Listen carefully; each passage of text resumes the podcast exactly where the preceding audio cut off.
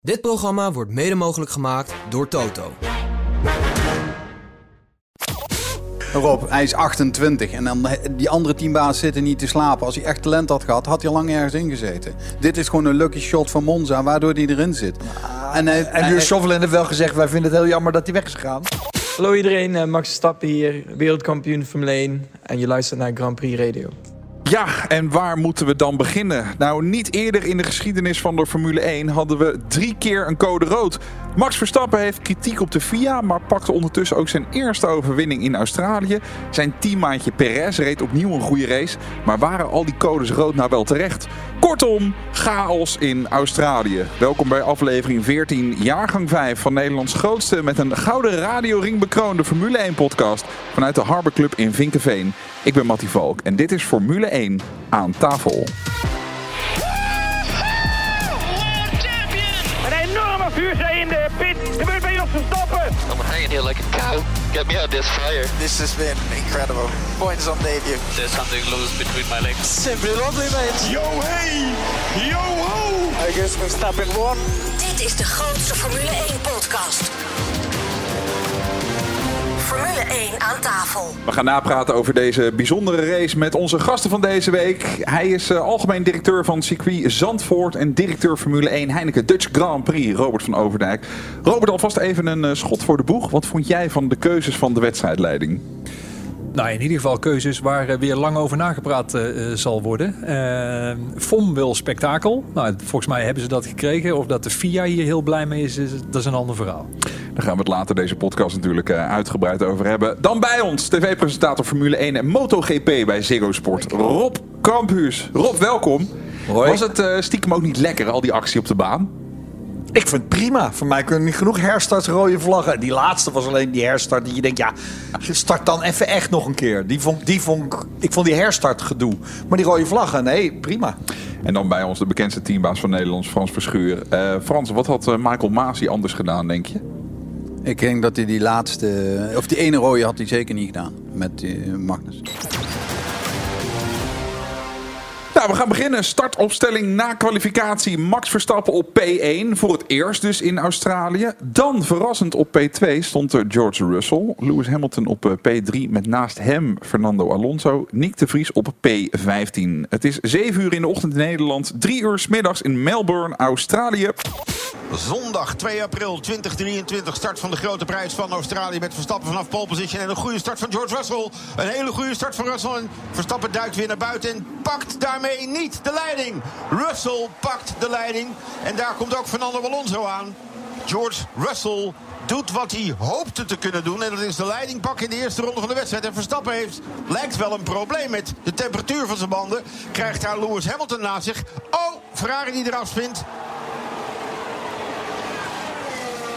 Is dat Sainz? Ik denk Leclerc. Eén Ferrari in de grindbak. Als het Leclerc is, heeft hij een dramatisch weekend. Outqualified door zijn teamgenoot en geel in sector 1. En Verstappen die dus geen temperatuur had. Want hij had ook in bocht 3 meteen al dikke problemen. Het is Charles Leclerc in de grindbak. En daar is de eerste safety car van de dag. Het was niet het weekend van uh, Charles Leclerc, uh, Frans. nee, het is het hele jaar nog niet van, uh, van Charles Leclerc. Die, nee. ja, die heeft mentaal denk ik ook wel weer een klap gehad. En ja. het wordt alleen maar beter voor Sainz. Dus tussen die twee wordt er nog wel even een, een verhaal. Ja. ja, maar hij is nog, wat ik zo raar vind, hij is nog steeds sneller dan Sainz.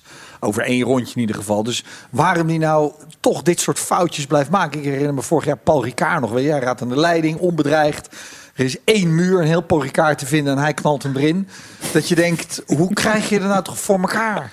Ja, dat hij niet tegen de mentale druk kan. Dat hij eerste rijder wil die worden. Nou, en het wil Sainz ook. En daar is niet duidelijk een onderscheid gemaakt door de teamleiding van jij bent eerst en jij bent tweede. Wat ze bij Red Bull wel doen. Ja, Russell heeft daar geen problemen mee en Hamilton. Die, nee, die, die, die maar Russell, Russell is mentaal natuurlijk even een stukje sterker als, uh, nou ja. als Leclerc. Nou ja, blijkbaar dus. Al, ja, nou, sowieso. Robert, had je ook verwacht dat Max er als een kogel door zou gaan bij die start? Uh, bij de laatste start uh, bedoel je? De, die eerste starts waren natuurlijk gewoon dramatisch. Laatste start Ja, dat geeft dan wel weer aan hoe, hoe die jongen zich op scherp kan zetten op het moment dat het echt noodzakelijk is. Ehm, en na die start ja, was het eigenlijk natuurlijk ook gewoon direct gebeurd. Ja. Absoluut. Hij had wel even twee repetities nodig inderdaad Nou, om een goede dat- start te maken. Ja. Nou, is er iemand hier die bijgehouden heeft van afgelopen zeg twee, drie jaar hoeveel slechte starts Red Bull gemaakt heeft? Ja, hoeveel dan? ik zit te knikken, zo van, jij gaat nu het antwoord geven. Nee, ja, dag. ik denk, jij komt nu met een briefje uit je zak. Ben niet van de scorebordjournalistiek, dat weet je toch? Nee, maar eh, vaker niet dan wel. Eens, ja. Hoe komt dat, Frans? Jij weet van auto's. Nou ja, dat, dat stelt. Ze zijn te veel bang voor een wielspin. En het ligt ook een beetje waar je staat op de baan. Dus dan zullen ze hem iets anders afstellen dan, eh, dan anderen. Maar hij had, had wel een goede start. Alleen hij drukte niet door. Want hij weet, Russell, Russell drukt wel door. Dus ja, waarom zou ik het doen? Ik pak ze daarna toch. Waarom zou je niet twee rondjes wachten, alles lekker op temperatuur... en dan rijd je toch voorbij, buitenom. Bij de, Dus tweede start, bij de tweede start was zijn reactie op het rode licht slecht. Ja? Nou, dat doet hij echt zelf, Ja, denk ik dan. ja, ja. En meestal is het als hij zijn twee zet... dan heeft iemand anders... daar heeft hij daar net een beetje meer wielspin dan de rest. Dan denk ik, dat kan je toch allemaal in die software regelen? Nou, dat is niet zo makkelijk hoor. Nee, daarom eh, rijd ik ook geen Formule 1. Dat snap ik heus wel. Voordat we verder gaan, heren, ik houd het even bij de eerste start, want het is al zo'n puzzel deze, Ja, deze race. gelijk. Eh, Max die moest in de achtervolging dus, maar dan, eh, ja, Albon vliegt er als eerste af in de zevende ronde. Eerste safety car en vervolgens dus de eerste rode vlag situatie. Albon had wel een indrukwekkende kwalificatie. Eh, Albon doet het volgens mij op dat vlak dit jaar gewoon überhaupt al heel erg goed. Ja. Eh, dus dat is, eh, of dat dat verrassend is, weet ik niet. Eh, eh, bij Red Bull had hij natuurlijk ook zijn hele goede momenten. Maar eh, de- volgens mij is hij tot op heden een van de meest steady qualifiers dit jaar. Dus dat doet hij volgens mij hartstikke goed. Ja. En de auto wordt natuurlijk wat beter. Zeker. Grind lag echt over de hele baan, vloog ook tegen de helm van Hulkenberg. Is zo'n helm kogelvrij? Ja. Oké, dus dat is geen, eh, geen enkel probleem. Nee, dat Maar je handjes niet. Nee, Nee. handjes niet. Een bout, die gaat wel door die helm heen. Hoor. Dat hebben we toen gezien bij... eh, Vra- bij Massa, ja, maar Ja. de vraag is of, of dat nog zo is. Nou, dat is bijna niet te voorkomen. Joh. Ligt ook welke snelheid natuurlijk. Maar Eh, leider in de wedstrijd op dat moment dus inderdaad eh, George Russell. Die gaat naar binnen voor een set eh, nieuwe banden. Doet dat onder een safety car situatie. Maar later wordt het dus de eerste rode vlag. En moet het veld naar binnen. En ja, dan kan iedereen wisselen terwijl ze wachten op de herstart. Gevolg, Russell valt terug naar P7. Was het sowieso niet opmerkelijk dat hij zijn trekpositie opgaf? ja, dat krijgt hij vanuit het team. Hè. Het team zegt, kom maar binnen. keuze dan. Het, was, het was een goede keuze, Keuze, als er ja. geen co- code rood was gekomen. Dan was het goed geweest. Ja. Alleen als- je had natuurlijk kunnen bedenken dat er een code rood zou komen. Ja, ik vond deze ook op het randje. Ja. Ja. Eh, gevolg dus een herstart, de eerste. Onderweg voor poging 2 Grand Prix van Australië. En weer een hele goede start van Lewis Hamilton. En wat te denken van Fernando Alonso. Daar komt ook Checo Perez. En Verstappen sluit gewoon aan als tweede. Bovenaan in beeld, bovenaan in beeld. Drukte, drukte, drukte. Maar ze lijken er allemaal doorheen te komen. Wel links en rechts wat duw- en trekwerk. Carlos Sainz die daar eh, lijkt wel bijna zit te zwaaien zo. Er zit klem achter Oscar Piastri en Lando Norris. De beide oranje McLaren's. Ho, hobbeta, bobbeta. Dat is Nick de Vries. Ja, Hobbeta, Bobbeta, Nick de Vries. Die werd als een soort abeltje eh, gelanceerd eh, de lucht in. Hij kwam er toen nog goed mee weg, overigens. Het is wel een taai begin voor Nick, Frans. Ja, 6-0 Van het seizoen. 6-0 achter. Hè. We houden dat elke weekend bij. Eh, hij heeft er nu toe niet één keer voor zijn teammaatje gepresteerd. Kijk, de auto is niet al te best. Dat weet iedereen. Dus dan is het enige wat hem, voor hem belangrijk is als hij volgend jaar ook weer rijdt, is dat, ja, dat hij voor zijn teammaat komt. Nou, eh, zijn teammaat heeft nu één punt gescoord en hij nul. In totaal staat hij eigenlijk met quali en races 6-0 achter. In Europa kent hij de squeeze wat beter, dus daar zal hij toch iets terug moeten doen. Anders zit zijn stoeltje er volgend jaar niet in. Ja. Ik denk dat die Alfa Tauri op papier de langzaamste auto van het veld is. Daarom is het natuurlijk ongelooflijk knap wat die Tsunoda er dan mee doet. Dat Nick in Q2 kwam, was denk ik wel goed. Staat hij weliswaar twee tienden erachter, maar weet je, hij staat in ieder geval in Q2. Maar dat wat hij met, was met Ocon toch, dat hij hem afsneed in bocht 3.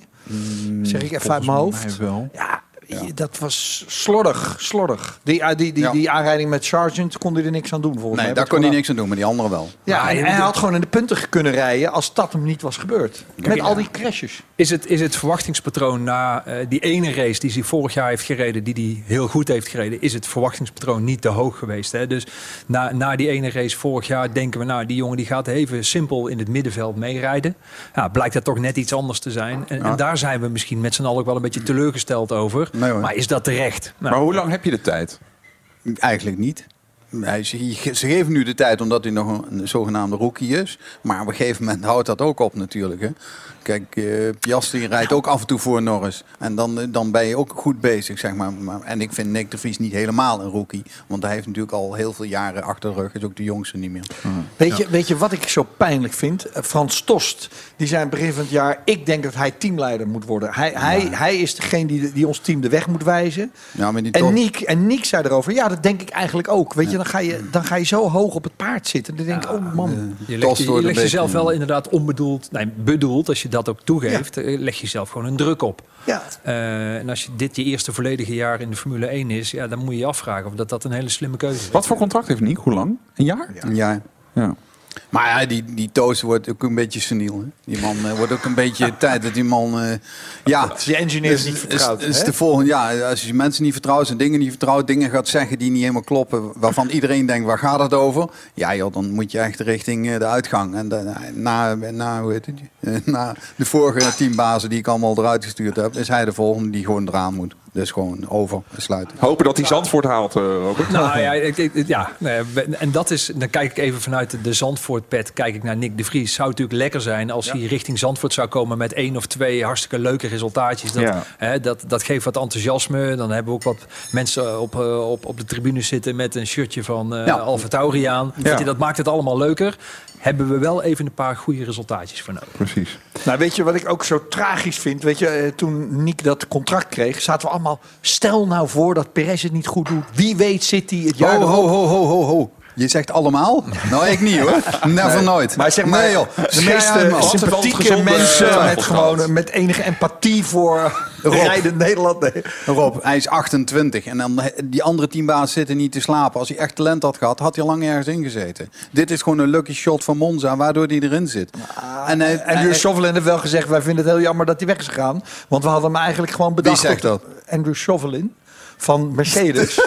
ja, serieus? Ja. Nee. nee, serieus. Als hij dat zeggen van, we hadden hem graag willen houden op de plek van Hamilton als Hamilton gestopt was. Dat zeg je niet zomaar. Nee, nou, dat zegt hij wel hoor. Echt. Dat Maar zegt hij had- hij had ook een plekje bij Dat zei hij Williams toen hij zeker wist dat hij weg was. Nee, maar toen had- zei hij het. Nee, hij had ook een plekje bij. Williams kunnen hebben. Nee, maar, dat maakt, nee, maar wat ik bedoel te zeggen is, wat zo tragisch is, of jij dat nou vond of niet, maar een heleboel. En wij droomden, wij, wij, wij Oh, anderen, even. Ja, wij anderen, ja, ja. droomden Ja. allemaal van, stel nou voor dat hij het weer zo goed doet. Ja. Wie weet zit hij in een Red Bull. Ja, dat is dat verwachtingspatroon.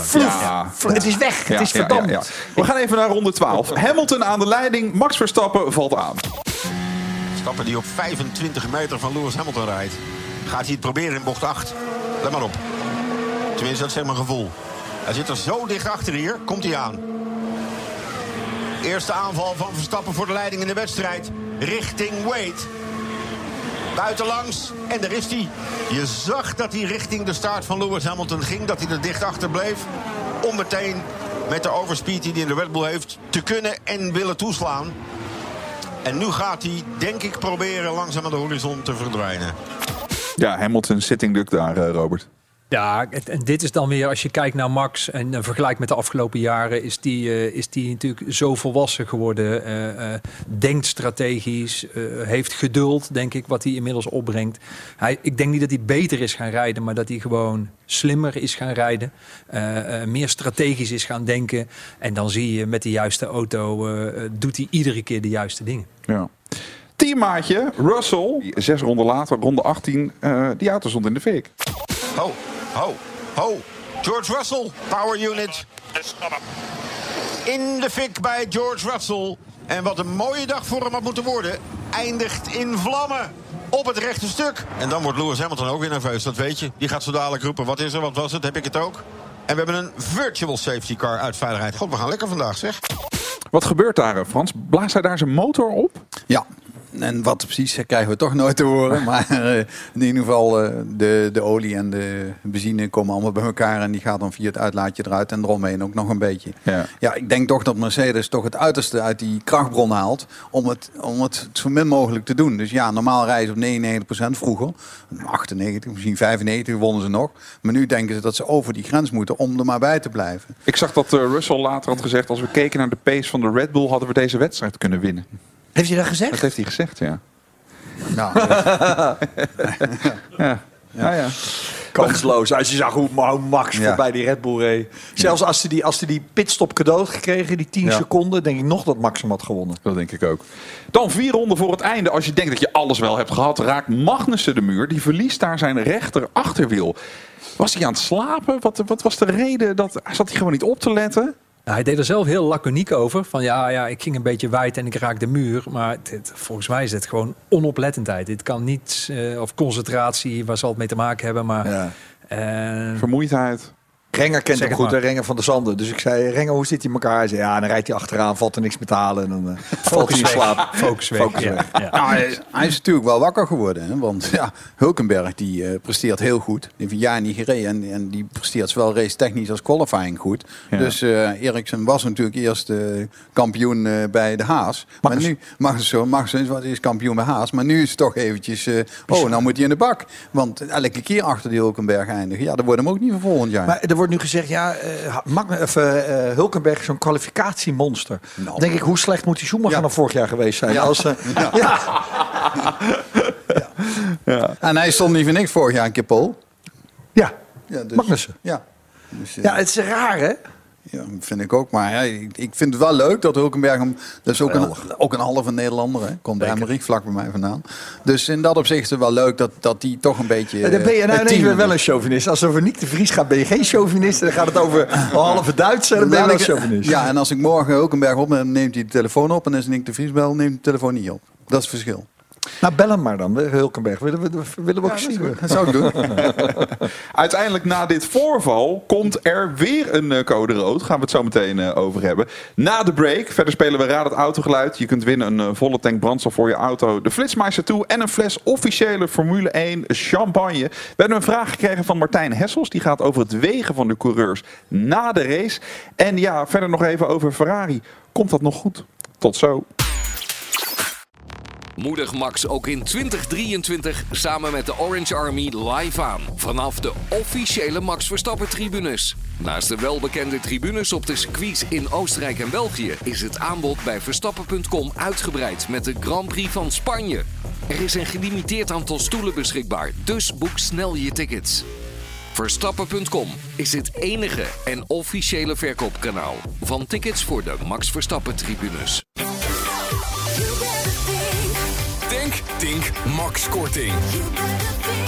Profiteer en race nu naar dink.nl. Ervaar de maximale radio-racebeleving met VPN Nederland. De manier om een buitenlandse radiozender te beluisteren op je smartphone, tablet of pc. Simpel, betrouwbaar en betaalbaar. Ontvang wat je wil horen met vpnnederland.nl. Boek nu met GP Ticket je Formule 1-reis naar Barcelona voor 2023. Keuze uit een 4 of 5-daagse trip, inclusief rechtstreekse vlucht, hotel, vervoer, ervaren Nederlandse begeleiding van GP Ticket en natuurlijk een perfecte plek op het circuit. Het aantal beschikbare plaatsen is beperkt. Boek nu Barcelona 2023. Check alle info op gpticket.nl. Welkom terug. Je luistert de grootste Formule 1 podcast van Nederland. Formule 1 aan tafel. Er is een eh, vraag binnengekomen via F1 aan tafel. Het grandprixradio.nl. Die komt van eh, Martijn Hessels deze week.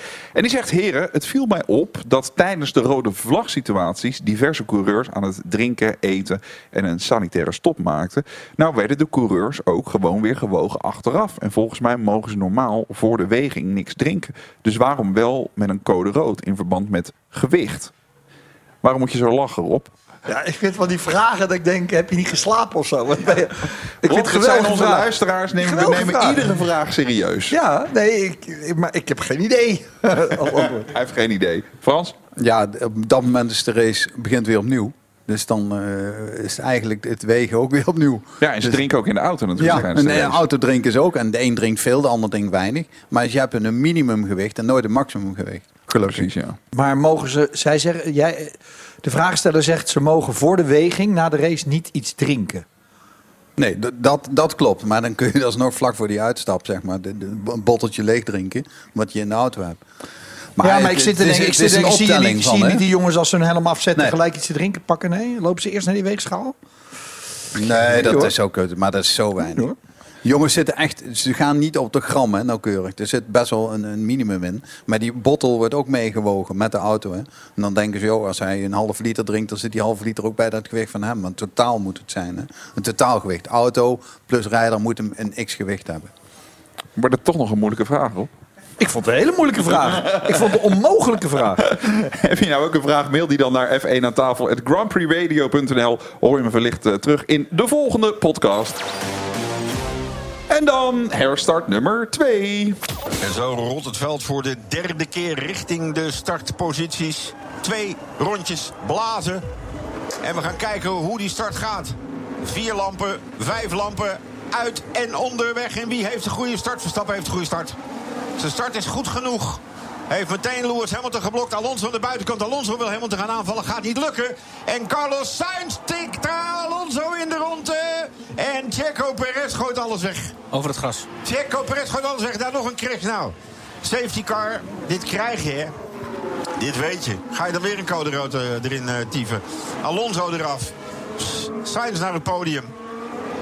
Weer een rode vlag. Nee, nee, nee, nee, nee, nee, nee. Ach, ach, ach. Esteban Ocon. Stroll. Ja, Aston Martin staat hier compleet met lege handen. Kijk eens. Jongens, Allebei de jongens, auto's van Alpine. Gasly en Ocon. Oh my god. Robert Olaf zegt hier, eh, dat krijg je, dat weet je. Volgens mij hadden we allemaal dat gevoel, hè? Ja, volgens mij kon je hierop gaan zitten wachten. Eh, als, als je de spanning al zo vaak opgevoerd hebt gedurende die race... en je gaat dan één ronde voor het eind nog zo'n start doen... dan weet je dat dit, eh, dat dit gaat gebeuren. En, en, en die Alpines, ja... Uiteindelijk erg dom dat ze zich op die manier laten verleiden. En van de andere kant Sainz, die Alonso eraf tikt. Hoort het er allemaal bij? Ja, het was te verwachten, denk ik. Ja. Wat hadden ze beter kunnen doen, Frans? Rollende start. Ja. Ja. Dan was het Ja, vanaf. eens. geweest. Want ze mogen dat gewoon ter plekke bepalen. Hè? Daar, daar- daar- Ja, die, die wedstrijdleider die kan dat doen. Ja, en, precies. zo slecht was die Malcolm Masi echt niet, hoor. vind ik. En, en Dat die hoor je nu, alle wedstrijdleiders roepen. Hè? Alle wedstrijdleiders en iedereen bij de vier achter schermen is nog steeds woest dat Michael Masi is ja, geslachtofferd. d- en dat is toch een, een probleem van Mercedes geweest, denk ik, die daar doorgedrukt heeft. Is het zo'n raar idee om bijvoorbeeld te zeggen, weet je wat, eh een derde van de raceafstand, dan hebben we een echte herstart. En daarna is die race gewoon begonnen, jongens. Dan doen we achter een safety car. Want het is heel raar om een race drie keer te herstarten. Jawel, maar je krijgt natuurlijk wel dadelijk dat een, een, een race 20 rondjes achter safety car komt. Als je een, een, een, barrière moet vernieuwen of dat soort dingen moet gaan herstellen. Nee, maar je mag wel stilleggen. Die rode vlag snap ik wel. Maar Ja. herstart hem dan. Doe dan een herstart achter Oh, ja, safety car. ja, ja, ja, start. dat doet Marco Masi denk ik wel. En, en die we nu hebben, ja, die, eh, ja, die eh, maakt al de hele, hele jaar veel fouten, vind ik. Hey, wat is de grootste factor dat dit zo misgaat? Zijn dat de coureurs zelf? Die denken, ja, ik heb nog maar twee ronden. Ja. Ja, dat, denk ik wel. Eh, en, heel even daarop terugkomen. Als je vanuit sporttechnisch perspectief eh, kijkt, heeft Frans natuurlijk volkomen gelijk. Als je vanuit entertainment perspectief kijkt en vanuit publieksopinie, ja, dan zijn drie herstarts natuurlijk gewoon fantastisch. Iedereen heeft het over de race. Tuurlijk, hè? Dus, dus het ligt maar vanuit, aan, eh, vanuit welk perspectief je het bekijkt. Sporttechnisch zeg ik inderdaad, rollende start veel veiliger eh, moet je doen. Televisie-wise is dit natuurlijk het meest gave wat je kunt. Maar eh, hoort dat het zwaarste wegen? Want dat, daar lijkt dit wel op. Wat jij zegt net, ook Rob vond het lekker om te zien. Ja, nou ja, vond het toch allemaal lekker om te zien? Nou, nee, ik- dat zegt alleen jij. Nee, nee, nee, nee, dat klopt. Dat Nee, klopt. ja, kom op. Het is spektakel. Het is entertainment. Maar Sport ik, ik is als, entertainment. Ik als teambaas zou doodziek zijn. Maar zo'n Alpine is dat natuurlijk verschrikkelijk. Ja, elke keer die schades, dat gaat van je, van je budget af. Ja. dus Ja. je probeert door Zeker. te ontwikkelen. En ik, oh, wacht even, 2 miljoen schade, weet je wel. Even 2 miljoen minder doorontwikkelen. Dus als teambaas ben ik doodziek van die herstart. Want dan heb ik liever safety car. Ja. Kijk, formeel gaat FIA over de regels. Hè, maar ik, ik, ik kan me niet aan de indruk onttrekken dat FOM hier wel degelijk ook gewoon eh, Amerikaanse, eh, ja, zijn- stem in eh, laat horen vanwege het hele spektakel. Ik, hoor, ik hoorde iemand zeggen, eh, ja, ze doen het natuurlijk uit een soort overdreven hang naar veiligheid. Hè? Amerikaans, van jongens, we moeten allemaal nog veiliger. Maar je maakt het er de facto niet veiliger op. Nee. Want je krijgt alleen maar meer crashes door al die herstarts. Je weet, die, die achtste, zeven, die denken, bocht één, drie man pakken en ik ben er. Ja. Dood of gladiolen, we gaan. Ja, natuurlijk. Ja. Dat snap je. Sainz die tikt eh, Alonso eh, in de ronde. En eh, ja, dan horen we even later misschien wel de meest wanhopige boordradio uit de geschiedenis van de Formule 1. Hij krijgt namelijk 5 seconden straf. We have five seconds penalty. No, it cannot be, Ricky. Lloyd deserves to be out of the points. No. No, it's unacceptable. Tell them it is unacceptable. They need to wait until the race is finished and discuss with me. Stop it. No, please, ask them, please, please, please, please, to wait, to wait and discuss with me. They clearly the penalty is not deserved. It's too severe. Parel. Een pareltje van een boordradio. ja, dat was het zeker. Wegpunten. Alsof zijn vriendinnetje het uitmaakt. Oh, No, no, please, no, please, no, please. go, Geef go, me nog één kans. Ja. Ja, en hier maakt, vind ik, de, de man aan de, aan, de, aan de guardrail een beetje een fout. Die had moeten zeggen, stop now, concentrate. En zorg dat je in godsnaam bijna naast degene voor je zit. Want wat gebeurt er? Die herstart gebeurt. Hij zit ongeveer, nou, ik denk wel 50, 60 meter achter degene die voor hem zat. Waardoor die elfde werd. En, en anders was hij tiende of negende geworden. Dus daar vind ik dat Ferrari zelf strategisch gezien een foutje maakt. Had zeggen, aansluiten, aansluiten, zo dicht mogelijk erop. Maar Alonso zei ook, die vond het een overdreven straf. Je kan zeggen, het is de Sainz eerste- die zegt, het is de grootste schande die we in Nou. vele jaren hebben gezien. De, de, de stewards hebben hem niet gehoord. Ja? Dat is overdreven. Maar stewards hebben hem niet gehoord. Dat, wat hij zegt van let, let them talk to me. Je kan zeggen, normaal gesproken in de eerste ronde van een race... eh, mag je, worden fouten getolereerd. Er worden geen straffen uitgedeeld. Nou, dit was al een foutje hoor. Ja, en Ja, je, je, maar- merkt ja. natuurlijk, er zit emotie in zijn reactie. Maar het klinkt ook echt wel als iemand die weet dat hij een fout heeft gemaakt. En de boodschap zo vertaalt dat hij hoopt dat hij er nog gewoon uiteindelijk een keer mee wegkomt. Hij weet natuurlijk zelf ook wel dat hij hier gewoon zelf een fout maakt. Daar kan het theater in, zeg je Exact, eigenlijk. exact. ja. Ehm, ja, wat dan volgt is een eh, derde herstart achter de safety car. Echter mag er vanaf eh, start-finish pas worden ingehaald. Maar omdat het in de laatste ronde is, is dat dan ook gelijk de finish. Nou, een bijzonder einde van een enerverende race. Dit zijn Max Verstappen afloop. And well done. Yeah, well, it took a while, but uh, when it's a win, we take it. Good, uh, good weekend. Yeah, no, well done, mate. That was uh, that was a bit of a lengthy one, but uh, well navigated. Our first win here since 2011, so uh, and your first, obviously. So uh, well done and enjoy it. Yeah, that's a really good weekend for us. Really happy with that. Ja, ze kwamen een beetje als een bloemencorso daar voorbij voor het eh Gek, publiek. Allemaal hartstikke leuk. Totaal nutteloos. Echt nutteloos, toch? Ja, hij vlagt dat ding af. Ja. ronde van tevoren. Ja, er was ook totaal geen ontlading bij, eh, bij die coureurs. Nee. In ieder geval niet bij Nee. Max. Die liep zijn auto uit. Alsof, Nee. alsof hij hem letterlijk geparkeerd had. Hey, jongens, 37e overwinning. Ik zei gisteren in de studio, als je iemand die ze allemaal op kan noemen. Ik kreeg net een mailtje van iemand die zegt, ik kan ze allemaal opnoemen. Die kwam vrijdag bij ons in de studio ze allemaal opnoemen. Eh, ik kom niet tot 10, denk ik. Maar dat kon je vroeger al niet, hè, tot tien tellen. Het duurde toch vrij lang tot eh, de wedstrijdleiding de uitslag van de, Grand Prix van Australië vrijgaf. Dat had dan alles te maken met een protest van Haas. Eh, Hulkenberg zou Norris hebben ingehaald na de tweede herstart. Maar die, eh, die werd snel gevolgd door een derde code rood. Haas vond dat ze recht zouden hebben op P6 na die inhaalactie. Wedstrijdleiding ging echter weer terug naar de eerder startopstelling voor zijn inhaalactie vanwege alle chaos. Duurde alweer heel lang hè, voordat er eh, duidelijkheid was. Nou, eh, eh, ja, en één, één stapje terug. voordat duidelijk werd dat die laatste start er kwam... waren er gewoon al even vanuit event management perspectief... er waren gewoon al mensen over de hekken aan het klimmen... die erop gerekend hadden dat er niet meer gestart zou worden... en die hun plekje naar het podium willen eh, eh, bemachtigen. Ja, dat, dat is natuurlijk ook gevolg van chaos en eh, lang op zich laten wachten. Ja, maar dat hoe er een konden die mensen komt. daar terechtkomen, Robert? Ja, over de hekken heen klimmen. Hè. Dat zie je natuurlijk op, of hekken die opengezet zijn, dat weet ik niet. Maar je zag mensen al gewoon richting het podium lopen. Ja. En niemand had erop gerekend dat er nog gestart zou worden. Dus het was ook nog gewoon eens een keer een hele gevaarlijke situatie dat dit gewoon zo lang duurde. Alpine had natuurlijk wel punten gehad. Als ze gewoon hadden gedaan wat normaal gesproken gebeurt. Race is afgevlacht en we gaan één ronde terug in de stand. Dan heb Ja. je dus de startopstelling voor die, eh, voor die eh, wat is het, tweede herstart, derde herstart. Eh, eh, dan had Alpine gewoon punten gehad. Dus dan had Hulkenberg helemaal eh, niks te klagen gehad. Nee, klopt. Maar we, we, we verdrinken helemaal in regeltjes. Ze hebben nu een regeltje verzonnen dat je de monteurs niet op de hekken mogen staan. Als ze, nou, echt belachelijk. Er is nog nooit een ongeluk gebeurd. In alle Nee. jaren niet met die hekken. Die zijn echt stevig zat hoor. Er kunnen best wel mensen ophangen. En dat geeft toch een hartstikke leuke foto. Lui die eroverheen Tuurlijk, hangen. ja. Dat, is, dat is emotie. De Die emotie. monteurs vinden dat Ik super. heb jou nog wel eens in de hekken gezien toen ik langskwam. Ja, ja, dat klopt. Dat ik blij was dat je de finish gehaald had. Wat ik me Maar dat vind eh, ik- Robert, die, die, eh, die- dat vuurwerk wat afgaat bij eh, de overwinning van Max op Zandvoort. Gaat die ook af voor Hamilton?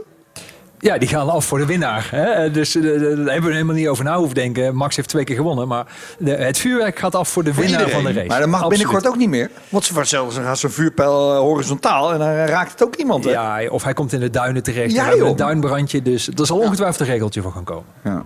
We gaan spelen Raad het autogeluid. Als je wint mag je op onze kosten je auto gaan voltanken. En dat is lekker. We doen er ook nog een Flitsmeister 2 bovenop. Ter waarde van 80 euro. En een fles Ferrari Trento Doc te winnen. Dus in het volgende spelletje. Mario de Pizzaman die staat in uh, Druten bij autobedrijf Paul van Bergen. En die praat met uh, verkoper Jan over een verzoekje van onze regelmatige gast aan tafel. Ronald Molendijk. Dag Jan. Hey, hele goede dag Mario. Ik heb een vraag. Uh, afgelopen uitzending uh, natuurlijk gehoord. Uiteraard, uiteraard. Zit er altijd zelf aan gekluisterd. Ronald Molendijk. Groot gelijk.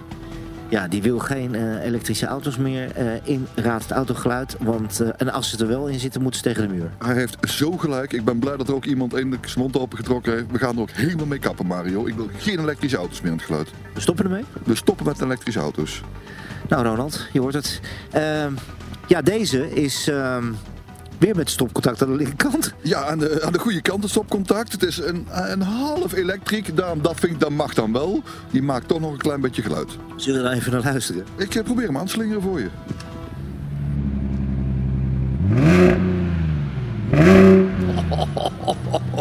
nou, hybride of niet, maar geluid maakt hij. Precies, kijk, daar worden we wel weer blij van. Beetje elektriek, maar toch knallen. Waar vinden we deze auto? Deze vinden we op www.paulvanbergen.nl. Ja, daar vind je hem wel. Lekker hoor. You're welcome. Ja, van welke auto was dit het geluid? Als je het weet, mail ons. Stuur je antwoord naar F1 aan tafel at grandprixradio.nl. Winnaar van vorige week is Yeti Kroon. En het geluid was dat van een uh, Mercedes-Benz AMG GT 4.0 Roadster. Een V8 dus. Veel rijplezier. Je mag je tank gaan volgooien bij Tink. Je krijgt ook de Flitsmeister toe te waarde van 80 euro. Die voorkomt dat je te hard rijdt. En proost, want je wint ook nog een officiële fles Ferrari Formule 1 Trento Doc. Zoals de rijders op het podium krijgen. Hey heren, toch nog even over uh, Ferrari, want dan zat het uh, weer niet mee. Leclerc die tekende dus voor zijn tweede uitvalbeurt uh, dit seizoen. Had hij, heeft hij nou zes punten dit, dit seizoen tot nu toe? Jij bent de presentator, ja, jij weten. En volgens mij heb ik, heb ik jou dat horen zeggen gisteren. ja, ja, klopt. Nee, je hebt gelijk. Ja. Carlos Sainz die kreeg na de laatste herstart vijf seconden straf omdat hij Alonso dus van de baan tikte. En daardoor eindigde hij ook buiten de punten.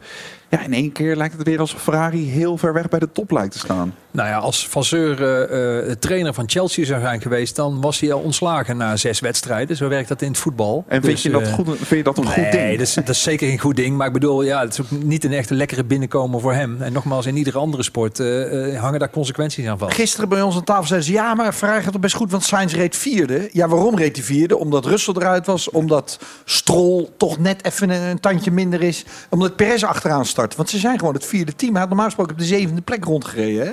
Ja. Frans zegt hier altijd, je moet Vasseur meer tijd geven. Ja, natuurlijk. Hij moet alles reorganiseren. Je ziet dat de pitstops nu goed gaan. Er zijn alle banden zijn er, dat scheelt er heel wat. Uh, de goede banden zitten erop. Ja, dus daar zijn we al 50% vooruit gegaan. Tactisch gezien vind ik dan dat ene foutje die ze hadden gezegd, moeten, dat Sainz meer aan moeten aansluiten. Ja. Dat vind ik dan ook iets wat ik zelf heel erg belangrijk vind. Dat is een klein missertje, maar ook de man die de tactiek deed bij Ferrari is ook weg. Zit ook een ander. Ja. Dus dat moet allemaal even groeien en daar zijn we mee bezig.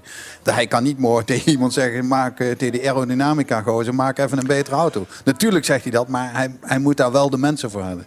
Maar Frans, wat denk jij? Zouden, zouden op het moment dat duidelijk werd dat Binotto daar vertrok, ja. zouden er niet een heleboel lui daar op die motorenafdeling en de aerodynamica afdeling gewoon gedacht hebben, nou weet je, ik ga er niet nog even een schepje bovenop doen deze winter. Nee, maar dat, is, dat, een Duitser zou dat wel doen, maar een Italiaan niet. Die zijn, ja, Binotto is en hier gaan we even pizza eten vandaag. Nou nee, maar ik denk ook dat er een heleboel gekrenkt waren. Omdat Binotto uiteindelijk die auto wel snel heeft gemaakt. Hij heeft het team niet betrouwbaar gekregen, maar wel de auto snel. Ja, maar het is toch een en-en-en verhaal. Ja. Hoe groot is de kans dat het vuurwerk voor een Ferrari afgaat in antwoord? Ik, uh, als ik dit zo hoor, uh, erg klein. dus, dus laten we maar gewoon net zoals het afgelopen jaar bij het oude houden. Dan is iedereen gelukkig, denk ik. Ja, maar ik hoor jou eigenlijk ook tussen de regels door zeggen... geef hem nog even tijd, geef ze nog even ah, tijd. Kijk, uiteindelijk, even los van autosport... maar op het moment dat, dat er een nieuwe hoofd aan, een, aan een bedrijf komt te staan... dan is het daarmee niet opgelost. Hè. Dus op het moment dat je moet herreorganiseren, herstructureren... misschien wel een hele cultuurverandering verandering door moet voeren, ja, dan is het niet alleen maar met de topman, denk ik, geregeld. Dan moet die topman ook de ruimte krijgen om eh, eh, verdere maatregelen te nemen. Eh, anders verandert het denk ik gewoon niets. Het duurt een jaar. Het duurt gewoon een jaar. Ja, en dan ben je dus twee jaar verder, want dan moet je nog een goede auto bouwen. Ja, maar daar is hij nu mee begonnen, zeg maar. En hij heeft ook mensen weggehaald, maar die mogen ook pas na een jaar beginnen. Dus ja. Nou ja, ze hebben vooral die Sanchez net verloren. Hè, die is naar McLaren gegaan. Ja, dat weet ik. Dus, dus eh, voorlopig heeft hij vooral mensen kwijtgeraakt, blad dat hij gehaald heeft. Misschien heeft hij een betere gehaald. Ja, hebben we nog niet gehoord. Hebben we nog niet nee, gehoord. nee, nee. Heer, het onmogelijk is gebeurd. We zijn door de race heen. Nou, dat is geweldig, toch? Terwijl we de helft we hebben het er nog helemaal niet over Perez gehad. Maar er komt nog een bonus aan. Dit was Formule 1 aan tafel voor eh, deze week. Hartelijk dank voor jullie aanwezigheid. Jullie krijgen mee naar huis een eh, fles officiële Formule 1 Ferrari Trento Doc. Volgende week zijn we er weer. Gasten zijn dan eh, Michel Blekemolen, Ronald Molendijk en Frans. Ik zie ook jouw naam staan. Ja, ik ben maar eh, in mei een keer niet, dus die heb ik geswitcht met de producer. Die daar, Ah, eh, Oké, we krijgen hier even de achterkant van het rooster Ja. te zien. Eh, Frans is er eh, volgende week gewoon bij. Presentator volgende week is uh, Twan van Peperstraten. Tot zover eh, Formule 1 aan tafel. Redactie Sjaak Beumer en Koen Bakker. Vormgeving en montage Marnix Westhuis. Draaiboek en productie Mario de Pizzaman. Ik ben Mattie Valk. Blijf nog even hangen voor de bonus. Dit is de grootste Formule 1 podcast. Aan tafel. Ja, we geven iedere week zo'n mooie fles Ferrari weg aan onze gasten. Als prijs natuurlijk ook. Maar er is een nieuwe versie. Een hele bijzondere met een Zandvoorts tintje. Ja, we presenteren hier eh, de eerste fles van deze special edition aan, hoe kan het ook anders, eh, Robert van Overdijk. Dat wordt gedaan door eh, Wouter Kunkeler van Goesens uit Maastricht. Nederlandse importeur van Ferrari Trento Doc. Wouter, van harte welkom. Dank je. Zo trots als een pauw staan Zeker weten. Ja. Als een van de zeven special editions eh, heeft Zandvoort een ritje gekregen dit jaar. Samen met eh, Las Vegas, Miami, Imola, Monza Kijk. en Kijk. Suzuka. Nou, Terecht rijtje. dat, is een, eh, dat is een mooi rijtje om in te staan. Zeker weten. Ik zou zeggen, Robert, neem hem eh, in ontvangst. Dankjewel. Ik heb het idee dat jij eh, weinig hebt gedronken sowieso de laatste tijd. Nou, qua, zeggen, alcohol, of niet? de, de laatste tien weken niet, maar deze nodigt toch wel uit om te drinken. Nee, eh, fantastische fles, dankjewel. Eh eh schitterend merk. En als je hoort inderdaad, als er maar zeven limited editions worden uitgegeven en wij staan in dat rijtje, dan eh, zijn we trots op dat we op dit mooie merk mogen staan. Horen wij maar mooi bij als klein kikkerlandje. Zeker. En hoeveel van worden er gemaakt en hoe komen we eraan? Bij de betere wijnwinkel. Nee, daar kom ik niet, dat is te duur. ik, haal, ik haal mijn bier bij de Lidl. Dat is het mooie aan Ferrari. Het is betaalbaar voor iedereen. Wouter, eh, dankjewel voor deze, voor deze overhandiging. Eh, ja, Robert, nu we toch in de bonus zitten. Je bent enorm aan het sporten geslagen. Ja, nou, dat is ook hartstikke mooi voor deze podcast inderdaad. Dus, eh, Ja. eh, nee, eh, sport, weet je, uiteindelijk aan het sporten geslagen en het doet ook wat voor je geest. Dus ik heb gemerkt de afgelopen vijf jaar, inmiddels is vijf jaar geleden dat we gestart zijn. Het, het lijkt veel langer geleden met de terugkeer van de Formule 1, echt concreet. En als je voelt na twee edities wat die vijf jaar gedaan hebben, was, was het even nodig om ergens een resetje te, te Hoeveel, doen. hoeveel kilo ben je afgevallen? Mag dat vragen? Eh, nee, dat- afval is niet zo belangrijk. Ik, eh, maar wel hoeveel je omgeturnd hebt. En dat betekent eh, 11 kilo vet eraf, 6 kilo spieren erbij. Kijk aan. Maar daar moet je wel hard voor werken, kan ik je vertellen. Nou, kortom, alles wat hier op tafel eh, staat is niet voor Robert. Eh, Tim, wat heb je neergezet in de Harbor Club? Wij beginnen bij de Korean Fried Chicken. Dat is de kippendijen gemarineerd in een dikke broodlaag gefrituurd. Nee. Triple S saus erbij. kan nog verleidelijk maken. Bosuitje, koriander. Hebben wij de grain fat ribeye. Die is op de, op de grill gegrild. Logisch. Lekker eh, grof gerookt zout erop. Wat zoetzuur. Gepofte knoflook. Lekker om er overheen te knijpen. Dat zoetzuur mag hij Ja. wel, denk ik, hè? Rauwkost. Dat komt goed. En we hebben ook nog een zalmstaartje aangemaakt met wat citroenolie en wat pepers. Zalm is goed. In een ehm truffel ponzu. Heerlijk. En natuurlijk nog de sushi. Dat heb ik bijna vergeten. De spicy tuna maki roll met eh, rode miso saus. En daarnaast de salmon torch maki met wasabi mayonaise. Ja, heerlijk. Smakelijk. Veel, ei- veel eiwitten. Dubbele training hierna. Let op. Alle gebruik van hetgeen in deze podcast F1 aan tafel wordt opgemerkt is ongeoorloofd. Zonder expliciete schriftelijke toestemming te zaken verkregen van Grand Prix Radio. Met inachtneming van een duidelijke, deugdelijke bronvermelding met link.